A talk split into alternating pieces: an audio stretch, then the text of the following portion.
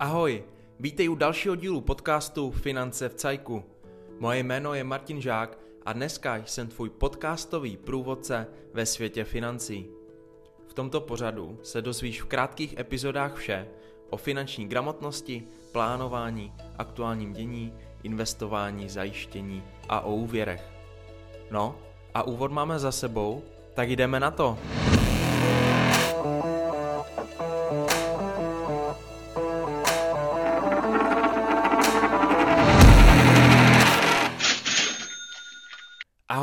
Vítej u další epizody.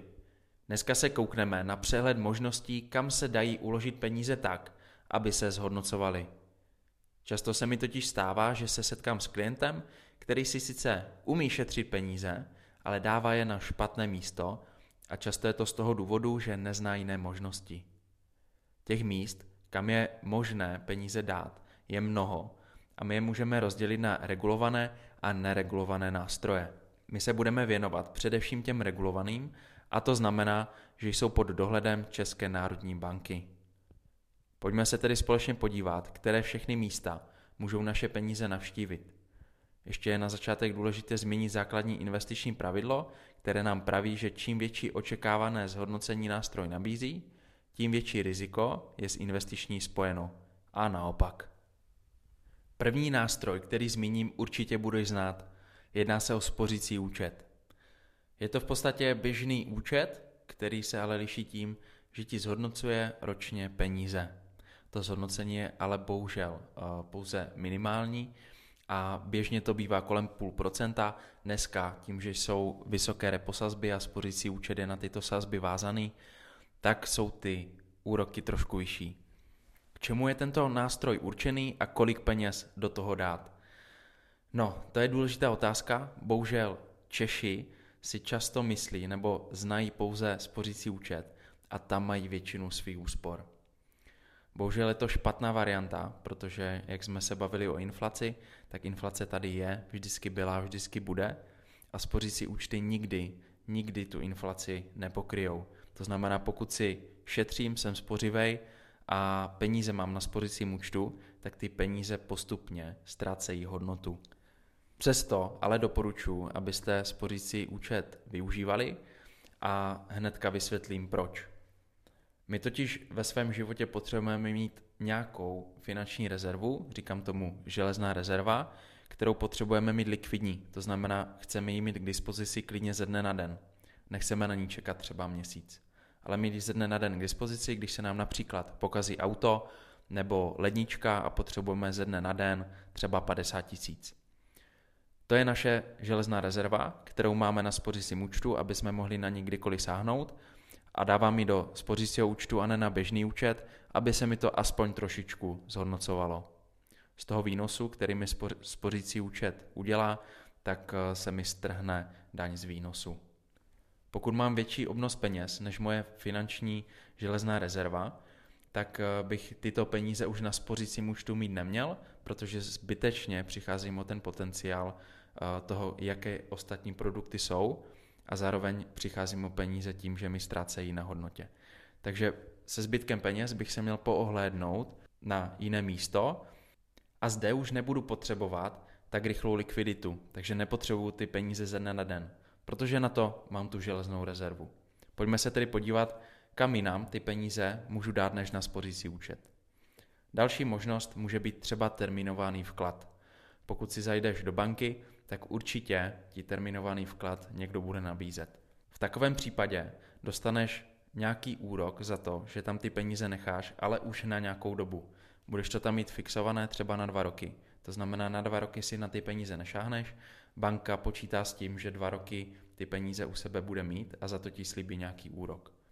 Banka ty peníze použije třeba na to, aby je půjčila nějakému jinému klientovi eh, v rámci úvěru. Výnos z toho termínovaného vkladu ti nikdy nepokryje inflaci, takže není to úplně zajímavý produkt, zároveň mám ty peníze fixovaný. Pojďme se podívat na další. Další produkt může být třeba stavební spoření. Stavební spoření využívá každý třetí Čech, čemuž se trošku divím, protože jde vidět, jak si Češi studují to, do čeho dávají svý prachy. Dříve ty stavební spoření byly totiž zajímavé, byl tam hezký výnos a byl tam státní příspěvek. Nicméně v dnešní době, pokud se podíváte, do čeho ty peníze vlastně cpete, klidně i transparentně na internetu, do kalkulačky nějaké stavební spořitelny, tak uvidíte, že ten produkt zas tak výhodný není. Si se dostáváte státní příspěvek, ten je ale v maximální výši 2000 korun na jednu smlouvu, a to v případě, že posíláte 1700 korun měsíčně do tady toho produktu. K tomu se vám ty peníze trošku zhodnocují, ale ne nějak zajímavě.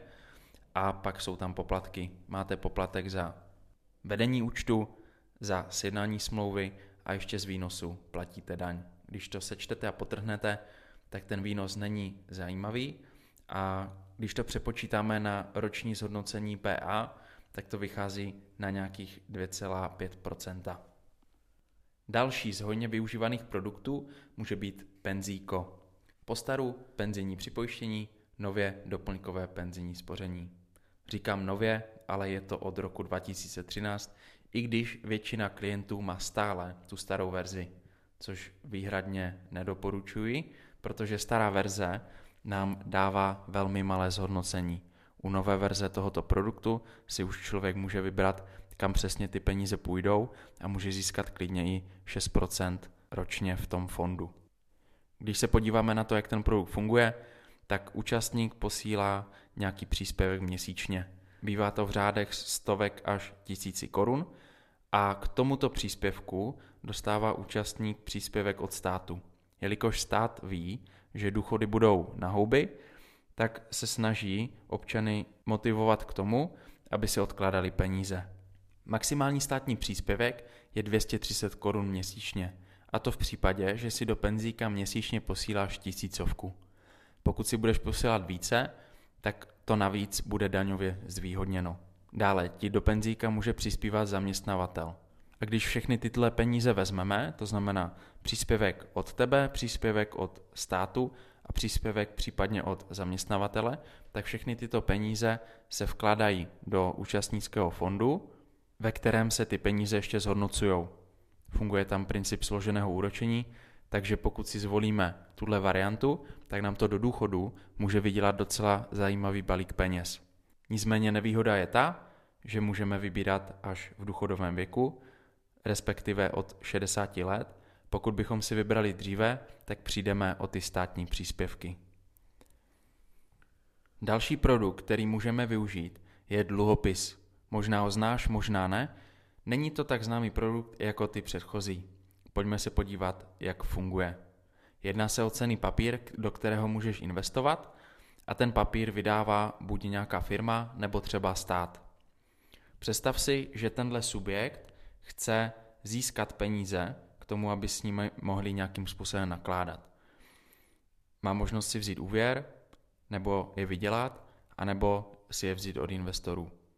Vzít od investorů si je můžou skrz ten dluhopis, takže vytvoří cený papír, v kterém je deklarováno, že pokud investor vloží nějakou sumu peněz, řekněme třeba 100 000 korun, tak těch 100 000 korun bude mít ten subjekt fixovanou na dobu třeba 4 let a investorovi za to, že ty peníze má, vyplatí zhodnocení.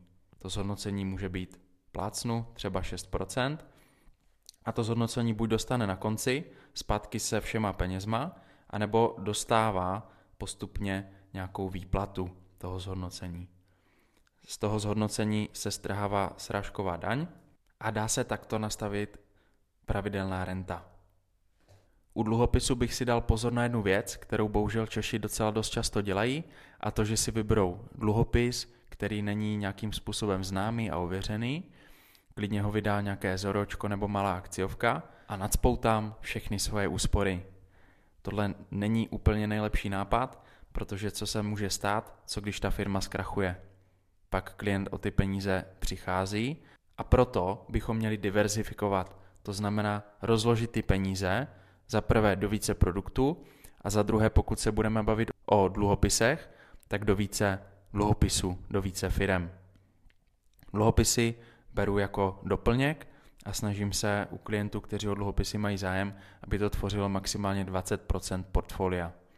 A pokud si budeš vybírat nějaký dluhopis, tak se ideálně zkus mrknout na nějakou investiční společnost, která ty dluhopisy zprostředkovává, než aby si je hledal sám někde na internetu, protože tam můžeš narazit na takzvané prašivé dluhopisy, kde je právě velká pravděpodobnost, že už peníze neuvidíš. Další nástroj, který nám může zhodnotit peníze, jsou komodity. Komodity jsou cokoliv, co můžeme směnit za peníze a nejčastěji se takto obchoduje s drahými kovy. Tam můžeme najít například zlato, které je nejčastěji obchodované, a to je dokonce očištěno o daň. O zlatu se říká, že je takzvaný uchovatel hodnoty. Je to z toho důvodu, že toho zlata je omezené množství, takže se spekuluje na tom, že jeho cena poroste, protože o něho poptávka bude stoupat a více zlata už nikdo nikde nezíská. Nicméně pokud budeme hovořit o uchování hodnoty, čili o boji s inflací, tak dlouhodobě máme pravdu, nicméně na nějakém kratším horizontu zlato určitě uchovatel hodnoty není.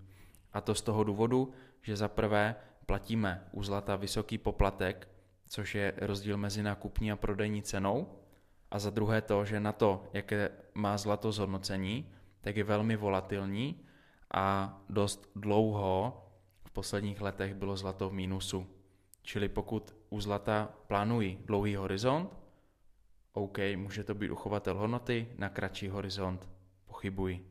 Nicméně, ve chvíli, kdy je krize, tak zlato oproti akcím a kapitálovému trhu jde nahoru. Dále můžeme naše peníze zhodnocovat například v akcích. Pokud si nakoupíme akcí nějaké firmy, tak se stáváme malým podílníkem. Na akciovém trhu se dá vydělat kupa peněz, ale naopak taky prodělat. K tomu, aby byl investor v této oblasti úspěšný a dlouhodobě vydělával, tak do toho musí investovat hodně svého času a musí této problematice rozumět.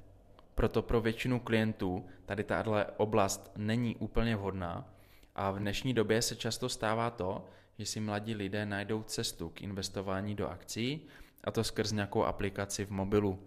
Mnoho brokerů, kteří umožňují eh, obchodování do akcí, tak mají aplikace, které jsou běžně dostupné a v podstatě každý člověk si může akcie takto nakupovat.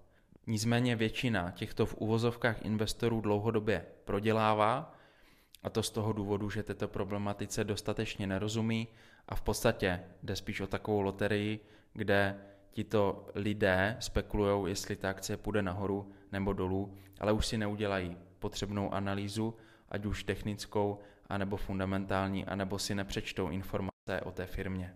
Proto bych doporučil, aby tady tohle obchodování lidé dělali s nějakým menším kapitálem a bylo to takové hraní, ale větší peníze přenechte raději odborníkům. Velmi podobné téma může být například obchodování s kryptoměnami, ale do tohle tématu se v dnešním podcastu raději nebudu pouštět. Pojďme se podívat na další místo a těmi jsou fondy, které jsou v dnešní době víc a víc využívané a my je můžeme rozdělit na pasivní fondy a aktivně spravované fondy. Fondy nám úspěšně eliminují nevýhody obchodování s akciemi. Tady totiž nemusíme jako investor řešit, kdy a kam poslat peníze, jestli jde akcie nahoru nebo dolů. První se pojďme v rychlosti pověnovat pasivním fondům. Jedná se o fondy, které investují skrz nějaký index. Index nám popisuje nějakou oblast, nějaký sektor, například třeba technologický trh. Když si vezmeme index Nasdaq 100, tak tento index nám popisuje 100 největších technologických firm na světě. A pokud budeme investovat do pasivního fondu, který kopíruje tady tento index, tak naše investice bude kopírovat přesně rozložení do těch 100 největších firm. To znamená, pokud se v těch 100 největších firmách něco změní, to znamená, nějaká firma se propadne a nějaká firma se dostane do téhle první stovky, tak naše investice se rozloží úplně stejně. Výhoda je, že jsou tyto fondy nízkonákladové, neplatí se tam velké poplatky, ale nevýhoda je, že si nemůžeme vybrat nějaký konkrétní menší sektor a v době krize jsou pasivní fondy ve větší ztrátě, protože my nemůžeme ovlivnit, kam se ty peníze budou přesně rozinvestovávat, respektive ne my, ale ten fond, protože ten jenom kopíruje ten index. To znamená, opravdu nám jde pouze o to vidět 100 nejhodnotnějších firm. Ve chvíli ale, když přichází krize a těch 100 největších firm klesá, tak my s tím nic nezmůžeme. My ty peníze nemůžeme přesunout někam jinam, protože jsou prostě v těch 100 největších firmách. Pojďme se podívat na aktivně spravované fondy. Tady je nevýhoda v tom, že jsou více nákladové, to znamená platí se tam větší poplatky. Výhoda je ale v tom, že tam máme portfolio manažery a analytiky, kteří rozhodují, kam ty peníze se zainvestují a my si takhle vybereme nějaký konkrétní sektor, v kterém chceme investovat a ten fond to zařídí za nás. Obecně fondům se říká, že jde o kolektivní investování, to znamená mnoho, mnoho, mnoho investorů dá peníze a tyto peníze se rozdělí do akcí firm, které ten fond volí. Velká výhoda fondu je ta, že nám tam funguje takzvané složené úročení. To jsme si vysvětovali v minulém podcastu a v dlouhodobém horizontu nám to přinese ten největší zisk ze všech produktů, protože čas nám dokáže vydělat pořádný balík peněz. Další výhoda fondu je ta, že nemusíme kromě výběru fondu nic řešit a o tu naší investici se nám buď stará ten index, anebo u aktivně spravovaných fondů nějaký odborník. Jelikož i stát bere fondy jako moderní zajímavý nástroj, tak ho daňově zvýhodnil a to tím, že pokud je investice delší než 3 roky, tak se neplatí daň z výnosu. Mezi další možností můžeme zařadit například zmíněné kryptoměny nebo nemovitosti nebo třeba Forex a tak dál. Tady ale budete potřebovat znalosti a čas, protože tyto formy investic si řídíme sami a třeba takový Forex je pro běžného člověka spíše loterie než investice. Jsme u konce dnešní epizody a já bych na závěr rád zmínil, že informace z tohoto podcastu, i když jsem byl docela dost konkrétní, nejsou dle zákona investičním doporučením. Pokud chceš něco objasnit nebo pomoct v oblasti financí, to znamená s investicemi, pojištěním či s úvěrem, tak mě můžeš oslovit. A v dalším díle se společně uslyšíme u tématu, které ohrožuje většinu domovů v Česku. To téma je podpojištěnost nemovitostí. Tak se těším na příště. Ahoj. Děkuji za pozornost a těším se na vás v příští epizodě. www.financevcajku.cz